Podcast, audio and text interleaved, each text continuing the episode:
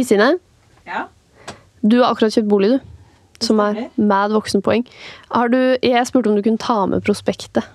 Så klart har jeg tatt med prospektet. Ja, der har du det. Det er en bok. Å, de er så lange. Ok, ja, Var det stress? Har du lest hele? Jeg ble faktisk grisestressa fordi det var en, eh, en sånt eh, rødt trafikklys inni der. Ja. På TG-graden. På TG-graden, ja. Ja. Mm, rødt på TG-graden. Nettopp. Krysser fingrene for det at du ikke har kjøpt noe drit, Kristine. Katta i sekken. Ja.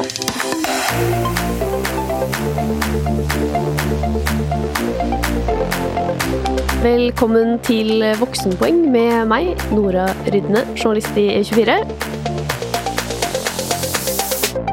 Vi eh, var jo innom eh, alt du må vite før du begynner å lete etter bolig. Altså finansiering i eh, siste episode, men nå skal vi over til å finne den boligen du vil kjøpe. Og da er det en haug med ting du må lese, har jeg oppdaget. Og jeg må innrømme at jeg har aldri giddet å lese et helt prospekt, eller en takstrapport, som er det det gjerne heter i disse boligannonsene. Så jeg har fått med meg takstmann Espen Eilertsen for å forklare oss eh, hva de driver med når de er på jobb. Det er jo de som skriver all denne teksten som vi burde lese, og jeg håper han kan svare på hva man absolutt må lese for eh, sånne som meg, som er eh, late og blir slitne av å lese så fryktelig mye tekst. Så velkommen i studio, Espen. Tusen takk. Du er jo eksperten her, eh, så du må være alle boligselgeres eh, verste mareritt. Hva, hva gjør du hvis du skal vurdere å kjøpe en egen bolig, når du eh, leser prospekt og eventuelt Det viktigste her er at man setter seg ned og leser prospekt- og takstrapporten på disse boligene man er interessert i. Nettopp for å se hva slags tilstand denne boligen er. Hva er det jeg, kan, hva, hva er det jeg på en måte kjøper. Uh, og, og så må man jo tenke seg Har jeg noen spørsmål? Er det noe jeg lurer på? Er de godkjente tegningene innhenta? Eller Og så må man jo tenke at uh, ok, dette er det jeg får til den prisen. Er det interessant for meg, eller vil jeg se etter noe som er bedre? Ja. Uh, og, og jeg for min egen del er vel litt der at jeg tenker at det er ikke noe vits å kaste bort tid på å bruke på visning. Eh, hvis man allikevel vet at dette her eh, Nå må jeg- ut med nye bad og ny drenering, og, og, det har jeg ikke penger til. Nei, nettopp. For det er jo dumt å bli forelska i en leilighet som er for dyr, eh, egentlig. Sånn eh, hvis du skal pusse opp. Stort sett alle kjøper vel egentlig litt for dyr leilighet eller Ja. bolig. eh, eh, og hvis man da likevel skal opp med en del kroner for å utbedre drenering eller nye bad, eller, så må man jo ta en vurdering, da. Ja. Har jeg råd til det? Så da, når du går inn i en, eh, en bolig som du skal vurdere, hva ser du etter da? Nei, altså man må jo på en måte sette seg litt inn i hva vil jeg vite hvis jeg skulle kjøpt boligen? Mm. Og da må man jo begynne helt til bunn og så jobbe seg gjennom hele boligen. Alle bygningsdeler. Og så har du et skjema, da, som du Har et skjema. Eh, og så har jo vi, vi takstmenn har jo sikkert forskjellige måter å undersøke boligen på, men jeg har jo fått mine egne rutiner på hvordan man gjør det. Mhm. Eh, for å få det mest mulig effektivt. Altså, det er ikke alle takstrapporter som er helt like. De er ikke helt like. Nei. Nei. Så det er derfor man må lese gjennom, da. Fordi noen ganger så vet man ikke hvem det er som har sjekka, og hva de har sjekka. Altså, når det kommer til undersøkelsespunktene, så er det viktig at det restes gjennom. Eh, stort sett så står det mye forbehold og beskrivelser på de første sidene i dagsrapporten. Eh, og de er like i alle rapporter. Ja, og det er bare sånn Det er vinduer her. Det er dører her. Nei, altså, det, er, det står litt sånn gjerne forklaring på hva de ulike tilstandsgradene betyr. Ja, det gjør det, ja. Fordi Ja, det ja. har jeg lurt på. uh, og i vår rapport så står det jo på en måte um, hvor mange tilstandsgrader du får som er TG1 og TG2 og TG3, og de er jo markert med trafikklys. Gult, grønt og rødt.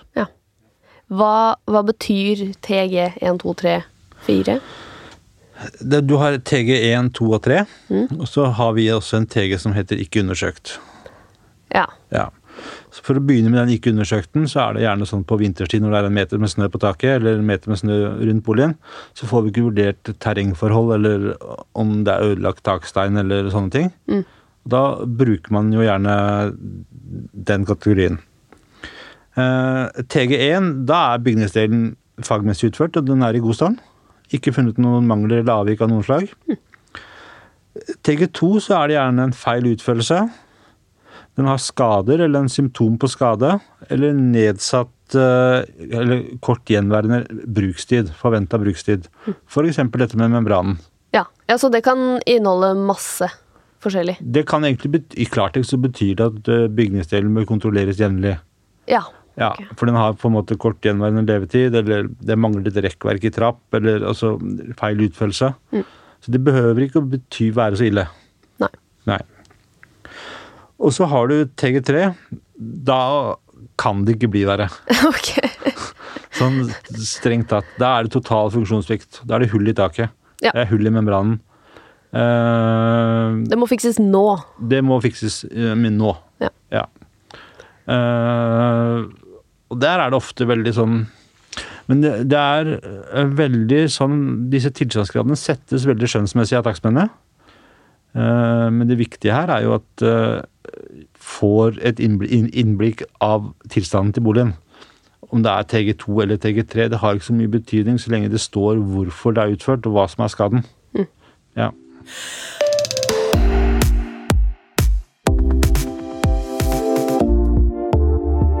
Hva er det du må ha lest gjennom i et prospekt før du går på visning, eller før du vurderer å kjøpe, da? Det er jo litt sånn avhengig av om det er leilighet, eller om det er en enebolig rekkehus, det sameie, eller om det er sånne ting. For det, det, det kan være veldig greit å sette seg inn i vedtektene hvis det er et sameie. Mm.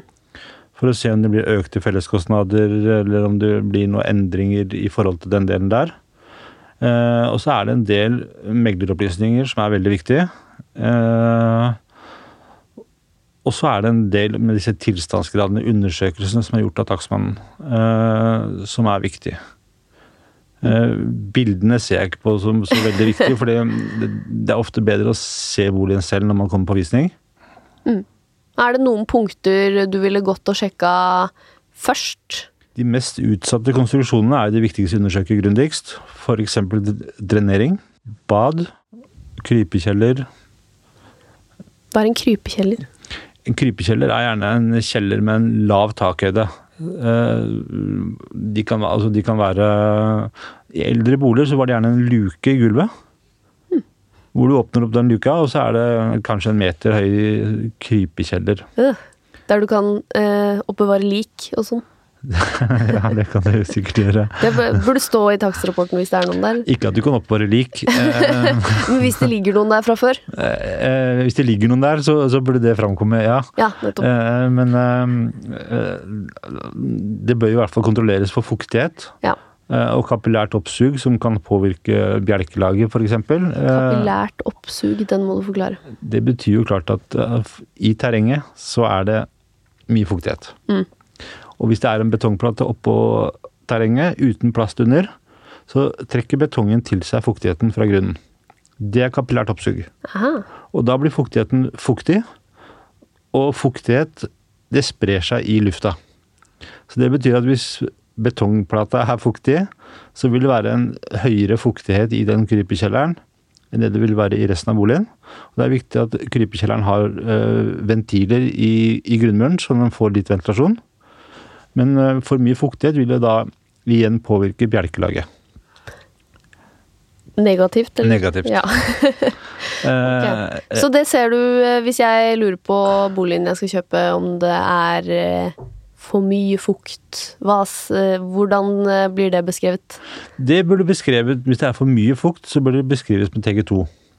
Ok. Eh, Ja, eh, og da beskriver man f.eks. at det er målt fukt, eller det er søkt etter fukt i yttervegger, eller at det ikke er ventiler, og det er fare for høy fuktighet med kapillært oppsug. Eh, og så er det gjerne disse eldre boligene som er bygd eh, før 80-tallet. De hadde, da var det ikke normalt å legge plast under betongdekket. Mm. Da er det ofte mer normalt med en fuktig krypekjeller enn det det er i dag. Ja.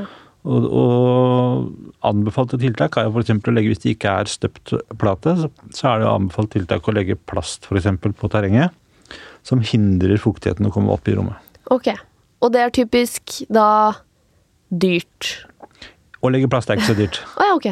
Nei, det er en plastrull som man ruller ut, og så legger man gjerne litt sand oppå den plasten, sånn at den skal ligge i ro. Nettopp. Ja. Hva er det som er dyrt med fukt eh, eventuelt, da? Altså, Drenering er dyrt. Drenering er dyrt. Ja, Uh. På en enebolig så vil man fort uh, havne opp i en uh, rundt 300 000. Nettopp, for det er en liten Og det er ikke sånn du kan vente med, kanskje, eller? Hvis det er for mye fukt, og du må fikse drenering. Altså, for mye fukt i grunnmuren, og, og, så, og så kommer det litt an på om det er utfora konstruksjoner på innsiden av grunnmuren. For da er fukten vanskelig å avdekke. Mm. Eh, Men fuktighet på innsiden av grunnbur det skaper vektvilkår vekstvilkår for muggsopp. Eh, Muggsopp oppstår jo som sagt eh, hvis du har høy fuktighet og riktig temperatur over, over lang tid. Mm. For mye sopp i boligen vil påvirke inneklimaet, og der har vi jo mye mennesker forskjellige måter å reagere på. Uh, ja, Så vil vi ikke ha. det vil vi ikke ha. Som regel. Men eh, For det er, vel, er det det som er greia på bad òg? Du nevnte jo det. At det liksom de mest utsatte tingene er på en måte yttervegg og kjeller og bad. Og bad. For det, utgangspunktet, de mest utsatte steder for fuktskader er jo gjerne der det er mye vann. Ja. eh, og, og man kan jo tenke seg at når man står i dusjen, eh, der er det mye vann. Og hvis man er en familie på fire-fem, og alle dusjer eh, hver dag, Mm. Så er, er, det en høy slitasje på både gulv og vegger i dusjonen. Og der bør det gjøres en fuktmåling i tilstøtende vegg, altså på baksiden av veggene. Ja. Da får man avdekka om om det er skader i membranen. Og hvis det er det da, så vil det gi utslag på fuktindikatoren. Og hva er, er det dyrt? Det kan bli dyrt. Ja. Eh, Det kommer an på størrelsen på badet, men sånn normalt sett så tenker jeg man ligger på 200 000-250 000 på å renovere et bad. ja. Det vil jeg kategorisere som dyrt. Ja. I hvert fall i mitt budsjett. Det er en høy kostnad hvis man har brukt alle pengene sine på en bolig. Det er det. Men sånn, nå merker jo jeg at jeg blir litt stressa. At det er sånn eh, Nå skal ikke jeg kjøpe bolig, da, og jeg tenker mer og mer at dæven, jeg er smart som ikke skal det. Eh, men eh, hva, hvordan kan jeg være sikker på at jeg vet uh, at jeg ikke må eh, drenere eller fikse membran på badet når jeg leser den rapporten? Det som er et fantastisk hjelpemiddel for oss dagsmenn, er at Sintef Byggforsk har lagd en sånn vedlikeholdsplan uh, over alle bygningsdeler. Der de har på en måte beskrevet eh, et tidsperspektiv på når bygningsdeler bør byttes ut. Kall det gjerne, en- Den blir kalt ofte levetidstabell, men det er en vedlikeholdsplan. Eh, og sånn som Drenering har en forventa levetid, vinduer har en forventa levetid, membran på bad har en forventa levetid osv. Og, og, og det er veldig viktig at kommer fram i takstrapporten. Når er badet bygget? Hva er den forventede levetiden på membranen? Og hvis den har kort gjenværende levetid, så må den bemerkes med f.eks. en TG2. Ja. Ja, Sånn at kjøper vet hva han kjøper. Men hvis det er TG2 på et bad, da, som er eh, Hvor lang er forventa levetid på bad? 20 år på en membran i snitt. Ikke sant. Så Ja. hvis jeg kjøper en bolig som har et eh, 20 år gammelt bad, da, Mm. eh, da blir den automatisk merka som TG2? Den blir det, hos meg blir den det etter ti år. Etter ti 10 år til og med? For, for da har du Ja. kort gjenværende levetid. Ja. Men Ja. det kan leve lenger enn 20 år? Det kan leve i både 40, og 50 og 60 år. Det, Men det, det avhenger også veldig av bruken. Eh, fordi at eh, jeg har jo vært i dødsbo hvor det har bodd eh, eldre mennesker som kanskje dusjer Jeg vet ikke. Si én gang i uka. Ja.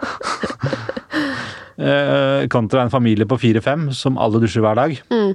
Så er det jo en økt slitasje når den familien bruker dusjen, enn det det er når denne eldre damen eller mannen eh, dusjet én gang i uka. Okay.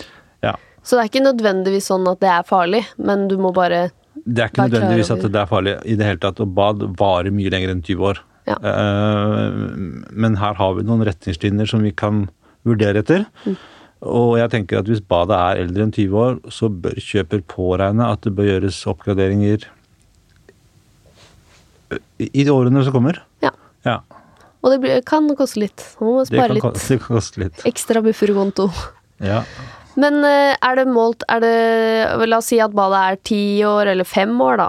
eh, Litt yngre bad. Er det da uansett målt fukt i veggene? Jeg gjør det alltid. Ja, men ikke alle. Jeg leser ikke alle rapporter. Eh, Jeg har slutta med å laste ned så mye prospekt. Men jeg mener jo at det skal gjøres. Mm. Badet kan være ett år gammelt, allikevel så kan det være skader i membranen som gjør at det blir en uh, vanngjennomtrengning. Mm. Og det er en trygghet for kjøper at det er gjort.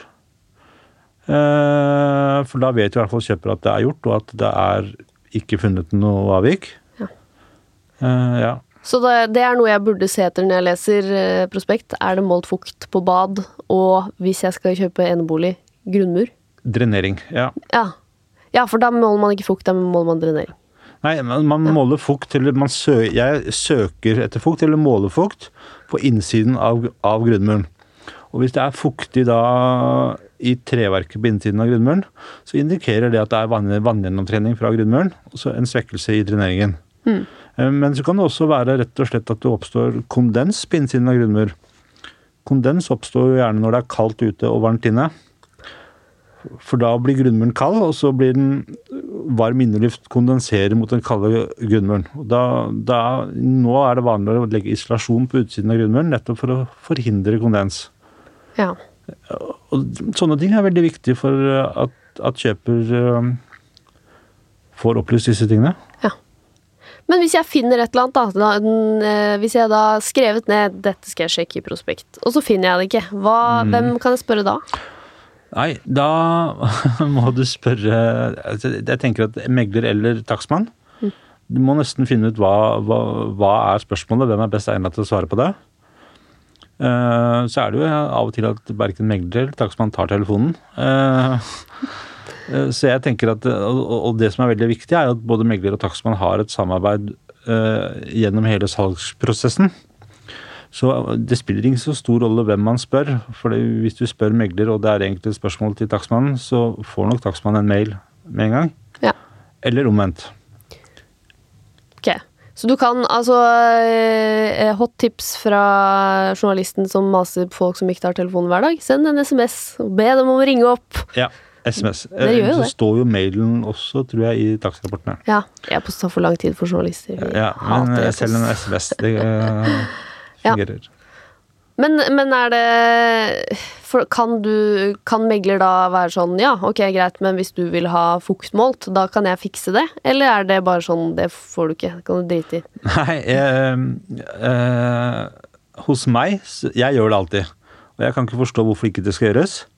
Men hvis det på en måte Hvis, hvis det på en eller annen måte ikke er målt, og interessenter vil at det skal gjøres, så tenker jeg at det, det bør gjøres.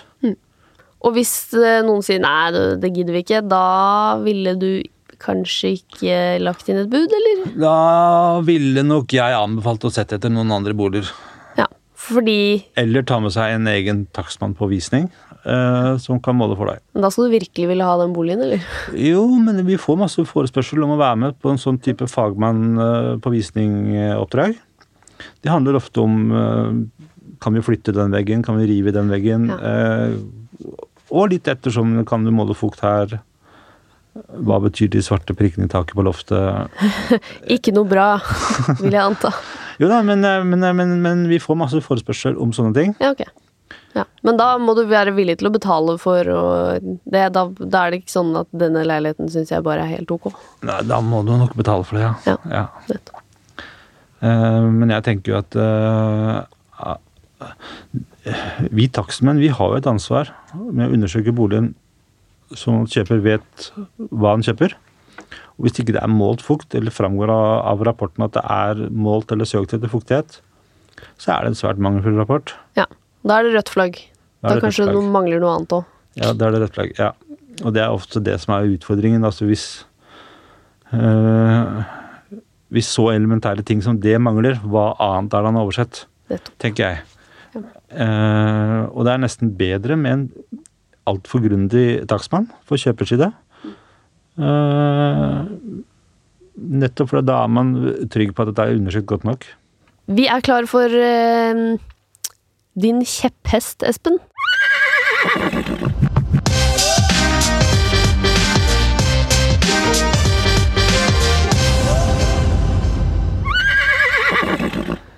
Jeg mener at eh, det bør framgå av et prospekt, enten av takstrapporten eller eh, meglerprospektet, at eh, de godkjente tegningene på boligen er innhentet, og at de ulike rommene er kontrollert mot de godkjente tegningene.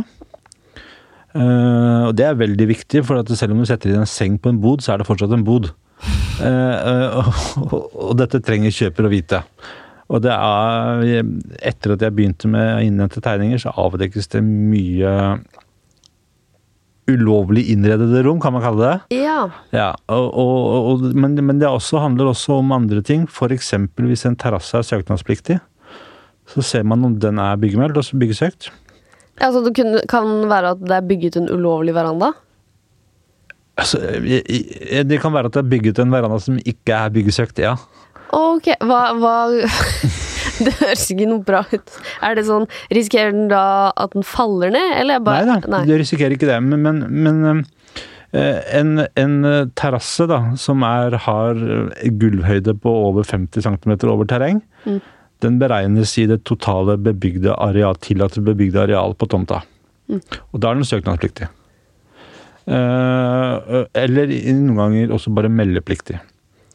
Eh, så når du innhenter de tegningene, så ser du at den der fantastiske terrassen på 100 kvm, den er jo ikke tegna inn. Hva er, hva er, risikoen da? Er det at kommunen kommer og sier den der må du ta vekk? Eh, altså, I ytterste konsekvens ja. Mm.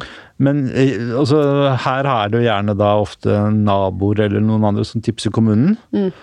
Og så får du et pålegg av kommunen om enten å byggesøke det, eller øh, og, og, hvis du ikke da byggesøker, så kan du få varsel om tvangsmulkt. Ja. Eller og beskjed om å rive det. Og det er kjempegøy. ja, men for vanlige, vanlige mennesker så er det ikke så lett å bare byggesøke. Nei, det tar dritlang tid, har jeg skjønt. Ja, og så må du lage og nye kjeder. tegninger. Og ja, Så det blir dyrt òg, ja. Det kan bli dyrt. Ja. Eh, du må få lagd nye, nye, tegninger mm. på terrassen. Og eh, eventuelt, hvis det er noen eh, rom i boligen som er bruksendra uten å ha vært byggesøkt, så må det lages nye plantegninger. Ja. Har du noe skrekkeksempel på sånne rom? Ja, jeg har det. Jeg var på en reklamasjon her En bolig her i Oslo som ble solgt med en romslig kjellerstue. Mm. Uh, ingen vinduer. Og romhøyden var 1,91. Og jeg er jo 1,86 høy, og jeg har ikke så høyt hårfeste, men, eh, men jeg kjente jo det at her er det såpass lavt. Og, og, og her er både takstmannen, han har skrevet det som kjellerstue, megler har skrevet det som romslig kjellerstue. og, og, det som er litt spesielt, er at vi takstmenn burde i hvert fall vite at hvis det er en romhøyde på 1,91, så vil den aldri vært godkjent som en kjellerstue.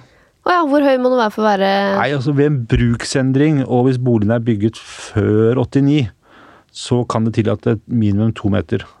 Men noe under to meter er ikke godkjent. Ja, og Hvis den er nyere enn det, så må den være høyere enn to meter òg? Ja. Ok. Ja. Hvor, hvor høy skal den være da? 2,20. 2,20, ok. Ja. Nettopp. Så det må man også sjekke. Og det, også, og det igjen også er jo på en måte Jeg skriver alltid romhøyden i alle rom. Mm.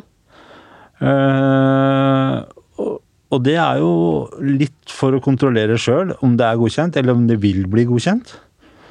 Eh, også litt for det at eh, kjøper skal få en følelse av eh, altså Hvis det er et 50 kvadratmeter stort rom, og det er tre meters takhøyde, så ser rommet mye større ut. Ja. Eh, ja.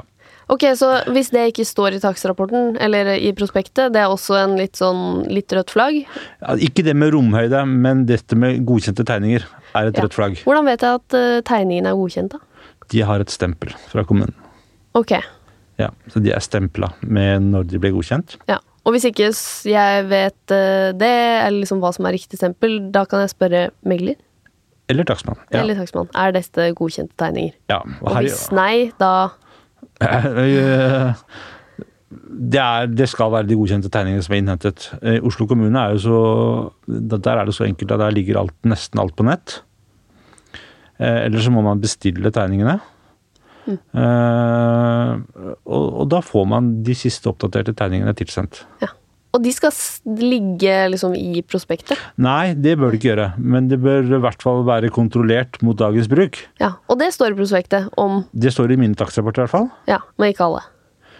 Jeg ser at det er noen takstrapporter som det ikke står noe om det i det hele tatt. Ok, og da sjekker man med takstmann eller megler. Er det innhentet ja. godkjente tegninger? Ja. For jeg var på Eller jeg, har jo, jeg ser jo mye på leiligheter selv om jeg ikke har kjøpt noe. Eh, det er jo da gjerne ganske små leiligheter. Der ser jeg noen ganger at det er et soverom som ligger et sted helt uten vinduer. Mm. Er det et godkjent soverom? Nei, det er Det bod. Det er en bod. Det er en bod. Men, men, Ah. men det som er veldig vanskelig med dette her, er, er, er at uh, ofte eh, Jeg tror ikke at selgerne holder tilbake opplysninger. Uh, det vil jeg ikke tro. Men jeg tror ofte at selgerne ikke er klar over at den oppussingen eller den endringen de har gjort innendørs, er søknadspliktig. Nei, nettopp. Eh, Det handler om at hvis du har et soverom, og så har du en bod ved siden av soverommet Hvis du river den veggen mellom boden og soverommet for å gjøre soverommet større, så er det søknadspliktig tiltak. Mm. Eh, og, og i mange tilfeller så tror jeg at eh, selgerne ikke vet at det er søknadspliktig. Ok. Og det er en trygghet for oss um, takstmenn da, eller meglere, at vi innhenter godkjente tegninger. For da får vi avdekket disse tingene her, så kjøper vet hva han kjøper. Ja, for hva er faren hvis jeg da har kjøpt eh, en leilighet som er Som er en bod?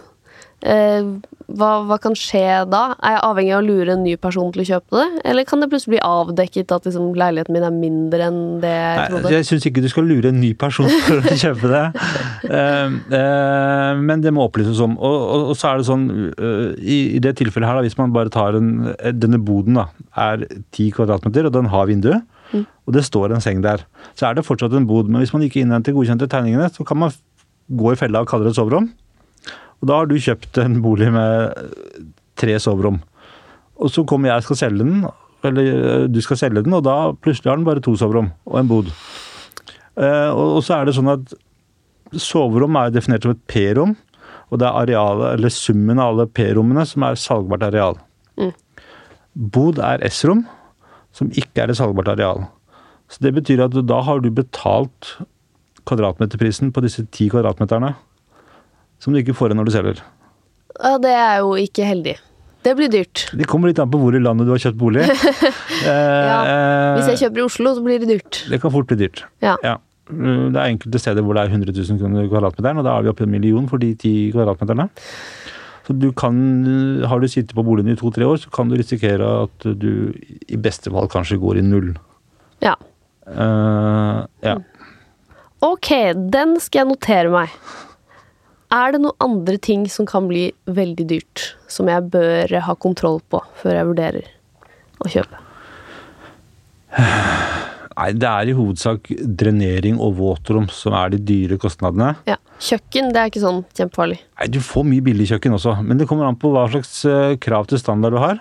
Mm. Eh, eh, men det kan ofte Kjøkken er ikke så dyr, dyr kostnad. Nei. Hvis du kjøper en eldre boliger og plutselig må bytte alle vinduene, Ja. så er det også en høy kostnad.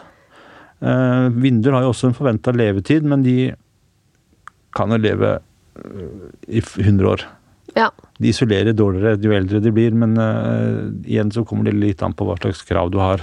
ja, for det er liksom ikke så krise som at hvis du har masse fukt, så kan hele leiligheten din bare Det er ikke så, nei, det er ikke så krise med vinduene. helt Men vinduene Ja, det blir litt kaldt, da, og litt høy strømpris. Det kan det bli. Men eh, ja. for eh, jeg har jo bodd i noe sånn kollektiv i Trondheim, på Møllenberg, der alt er verneverdig. Og hvis du skal bytte vinduer, så er det sånn Da skal du ha blyglass fra 1800-tallet og Ja. søke byantikvaren og sånn. Det Sånn er det en, sted, en del steder her i Oslo også. Så nå skjønner jeg plutselig hvorfor vi hadde så utrolig høy eh, strømregning i det kollektivet. Ja, ja. Det er derfor ikke vil bytte dem. Ok, men det er sånn du kan leve med, ja. Eh, Men er det noe jeg kan se etter på visning, da? Eller noe jeg bør se etter på visning når jeg mm, har greid å tråkle meg gjennom et prospekt? Det som er kanskje jeg tenker er det viktigste, er at eh, når du planlegger å kjøpe en bolig, så må du gjøre deg opp en eh, mening om eh, dagens planløsning. Er det en planløsning du tenker å beholde? Mm. Eh, Eller har du tenkt å gjøre noen endringer? Eh, og, hvis du har tenkt å gjøre noen endringer, så er det jo greit at du enten tar med deg en takstmann på visning, eller at du rådfører deg med takstmann som har skrevet rapporten om disse endringene, om bærevegger og litt sånne ting. Om kan jeg rive den veggen? Eh, Kan jeg flytte den veggen? Og så videre. Eh, Og dette med farger og stil og sånn, det er så veldig personavhengig, så det tenker jeg at eh, det ser man jo på visning. Mm. Men stort sett alle som kjøper bolig, de legger jo opp til å male om leiligheten eller boligen. Ja. Ofte. Ja, fordi disse, på disse visningene jeg har vært på, som er gjerne sånn førstegangskjøpleiligheter, så har folk med seg foreldre, og da er det ofte noen fedre som er inne i alle skap. Og så Ja. tenker jeg sånn åh, Nerd, hva er det du driver med? Men eh, samtidig så tenker jeg, er jeg, er det noe han vet som jeg ikke vet? Nei, eh, vanskelig å si det, altså. Eh, jeg går jo ikke inn i alle skap, men jeg går i hvert fall inn i de skapene hvor det er eh, avløpsrør til, til kjøkkenskapet, kjøkkenvann, og på bad og sånne ting. Nettopp for å se om det har vært en lekkasje på vannrørene. eh, eller om det er noen skader i skapene som følge av en vannlekkasje. Eh, eh, og det er vel kanskje de viktigste tingene, tenker jeg. At man kontrollerer de skapene hvis man skal se på skap. Ja, Så jeg burde gjøre det. Det er ikke de andre som er nerds. Nei, men, eh, men, men så handler det litt om Når vi takstmenn er der, så kan dette skapet være fullt av søppelbøtter og såper og Jeg personlig flytter ikke ut alle såpene og søppelbøttene. Så det er ikke alltid vi klarer å få med oss alt. Og så er det gjerne sånn at det er jo gjerne rydda litt ekstra til visning. Eh, Så det kan være at det framkommer at det har vært en lekkasje da. Ja, Så det kan jeg faktisk se hvis det er noen sånn vannmerker eller noe. Ja.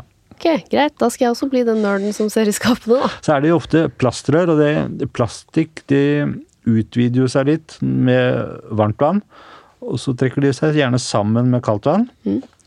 Så over tid så kan jo det medføre at uh, tetteevnen i disse plastrørene svekkes litt. Eh, og det vil man jo da avdekke. Nettopp. Men det, må det være Er det noe farlig hvis jeg finner en lekkasje der? Det er ikke så dyr kostnad. Nei. Nei, det er ikke det. Men jeg kan prute litt, kanskje? du kan gjøre det. Ja. Eh, Men det bør jo også framkomme av egenerklæringsskjemaet til selger. Ja. Og det bør også egentlig framkomme i takstrapporten. ja. Men det er ikke alltid det er så lett å se det, eh, hvis skapene er fulle. Men arbeid utført, vi var jo litt inne på det i stad. Eh, folk som har gjort ting og tang. Eh, vi, hvordan skal det være gjort, og hvordan kan jeg sjekke at det ikke er gjort eh, på merkelig vis? Eh, Det er jo det som er litt sånn eh, vanskelig. Eller ikke, vanskelig, det er det som er litt spesielt. I dag så kan Nå vet jeg ikke bakgrunnen og utdanningen din, men du som journalist kan bygge nytt bad. Mm. Du kan bygge ny Kan avdekke at jeg burde ikke gjøre det. Ja, det vil jo tiden vise. Du kan, du kan bygge ny garasje. Altså, du kan egentlig bygge alt eh, i boligen, men du kan ikke endre på det elektriske anlegget. Og, og rørleggerarbeidet kan du heller ikke gjøre selv. Nei. Eh, Så alt av rørarbeid og elektrisk arbeid, der skal det være autoriserte foretak som har gjort det. Mm. Og det skal framkomme av egenerklæringen til selger. Og dokumentasjon på elektrisk er jo en samsvarserklæring. Og du skal gjerne også ha dokumentasjon fra rørlegger. Men står det i eh, prospekt? Det, I egenerklæringsskjema som er en del av prospektet, så Ja. skal det stå. Men eh, hvis det ikke er dokumentert, bør jeg bli redd da? Eh, Det står i disse egenerklæringsskjema er arbeidene utført med og så kan du huke av egeninnsats, dugnad eller fagpersoner. Ja. Så Der må du selge huka, da, om det er utført med egeninnsats, eller om det er utført med dugnad eller, eller utført av fagpersoner. Og så står det hvis det er utført av fagpersoner, hvem. Da må man på en måte navngi det foretaket som har gjort det. Ja. Og det, det må skje, så hvis det står blankt der Eller det går ikke an at eh, du har det Det går ikke an å sette blankt, for det er enten er det gjort på egeninnsats eller dugnad, eller så er det et foretak som har gjort det.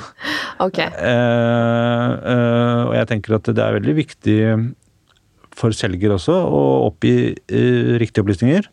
Men jeg har jo vært på masse reklamasjoner hvor selger har skrevet at det er gjort av det og det foretaket, og så kjøper boligen, avdekker masse feil og mangler, og så begynner man å ettergå disse foretakene. Som har, og da viser det seg det at de har vært konkurs i mange år før de har pusset opp badet.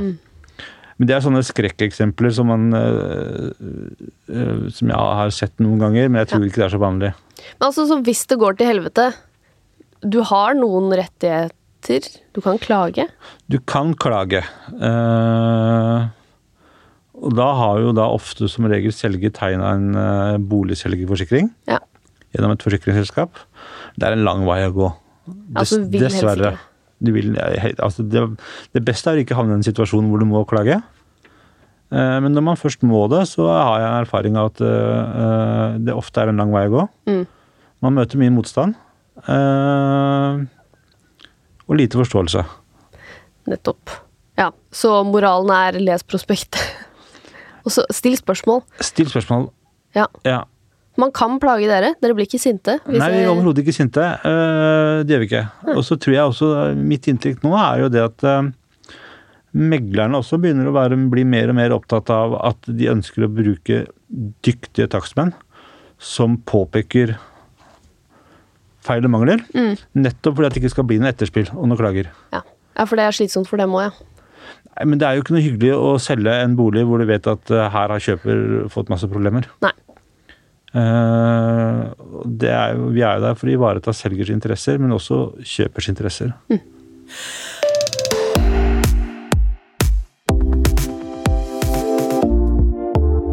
Ok, Espen, da har jeg skrevet ned de viktigste punktene her, sånn jeg har sett det. Godkjente tegninger, din kjepphest. De skal ha et stempel, eh, og hvis du ikke gidder å se etter det, så kan du spørre megler eller takstmann om eh, de er henta inn. For hvis det ikke er det, så er det et kjemperødt flagg, fordi du ikke egentlig vet om de rommene som er oppgitt som f.eks. soverom, faktisk er det, og da kan det jo ende med å måtte selge noe som ikke var det du kjøpte, og det eh, kan man jo, som man skjønner, bli ganske dyrt. Og så bør du sjekke, som du slang inn her på slutten, Espen, eh, sjekk ferdigattest eller midlertidig brukstillatelse, for det finnes noen skrekkeksempler på folk som har kjøpt leiligheter som ikke egentlig var godkjente til å bo i ennå, og det er jo heller ikke dritfett. Så er det bad, våtrom og drenering. De dyreste tingene å fikse, så det bør du sjekke om er i orden. Så hvis du ikke finner f.eks. fuktmåling i prospektet, så kan det være fare på ferde hvis det ikke er sjekka. Eh, og det kan bli dyrt. Og så skal det også helst stå alder på bad og drenering f.eks., og hva den forventede levetiden er, for da vet du sånn cirka er dette noe man etter hvert må bytte. Så er det disse tilstandsgradene, da, eller TG, som dere kaller det på fagspråket. De er eh, ofte litt sånn basert på skjønn, eh, når vi snakker om f.eks. levetid. Så det er ikke nødvendigvis krise om noe er TG2, men da burde du kanskje sjekke litt nærmere. Og da kommer vi til det punktet jeg tenkte hørtes greiest ut. Man kan spørre takstmann. Eh, man kvier seg kanskje for det, men det burde man ikke. Nummeret deres står til og med i prospektet, så ring dem, send dem en SMS hvis de ikke svarer, og be dem om å ringe opp igjen, så kan du pepre dem med spørsmål. Ja. Det Ja, gjør det. Det er verdt det. Da Ja, syns du det var greit? Vi fikk med det bra. viktigste. Ja. Da må jeg bare si tusen takk for at du kom og svarte på alle spørsmålene mine, Espen. Tusen takk for at jeg fikk komme. Hvis du har eh, lyst til å se mer innhold fra Voksenpoeng, så er vi altså på Instagram under navnet Voksenpoeng med Nora. Der kan du jo gjøre alt mulig, fra å kommentere hva du syns om podden, til eh, ja, å sende inn hva du syns vi skal ta opp videre i podden. Så eh, følg oss der. Og produsent for dagens episode, det var Kristine Masdal Odne.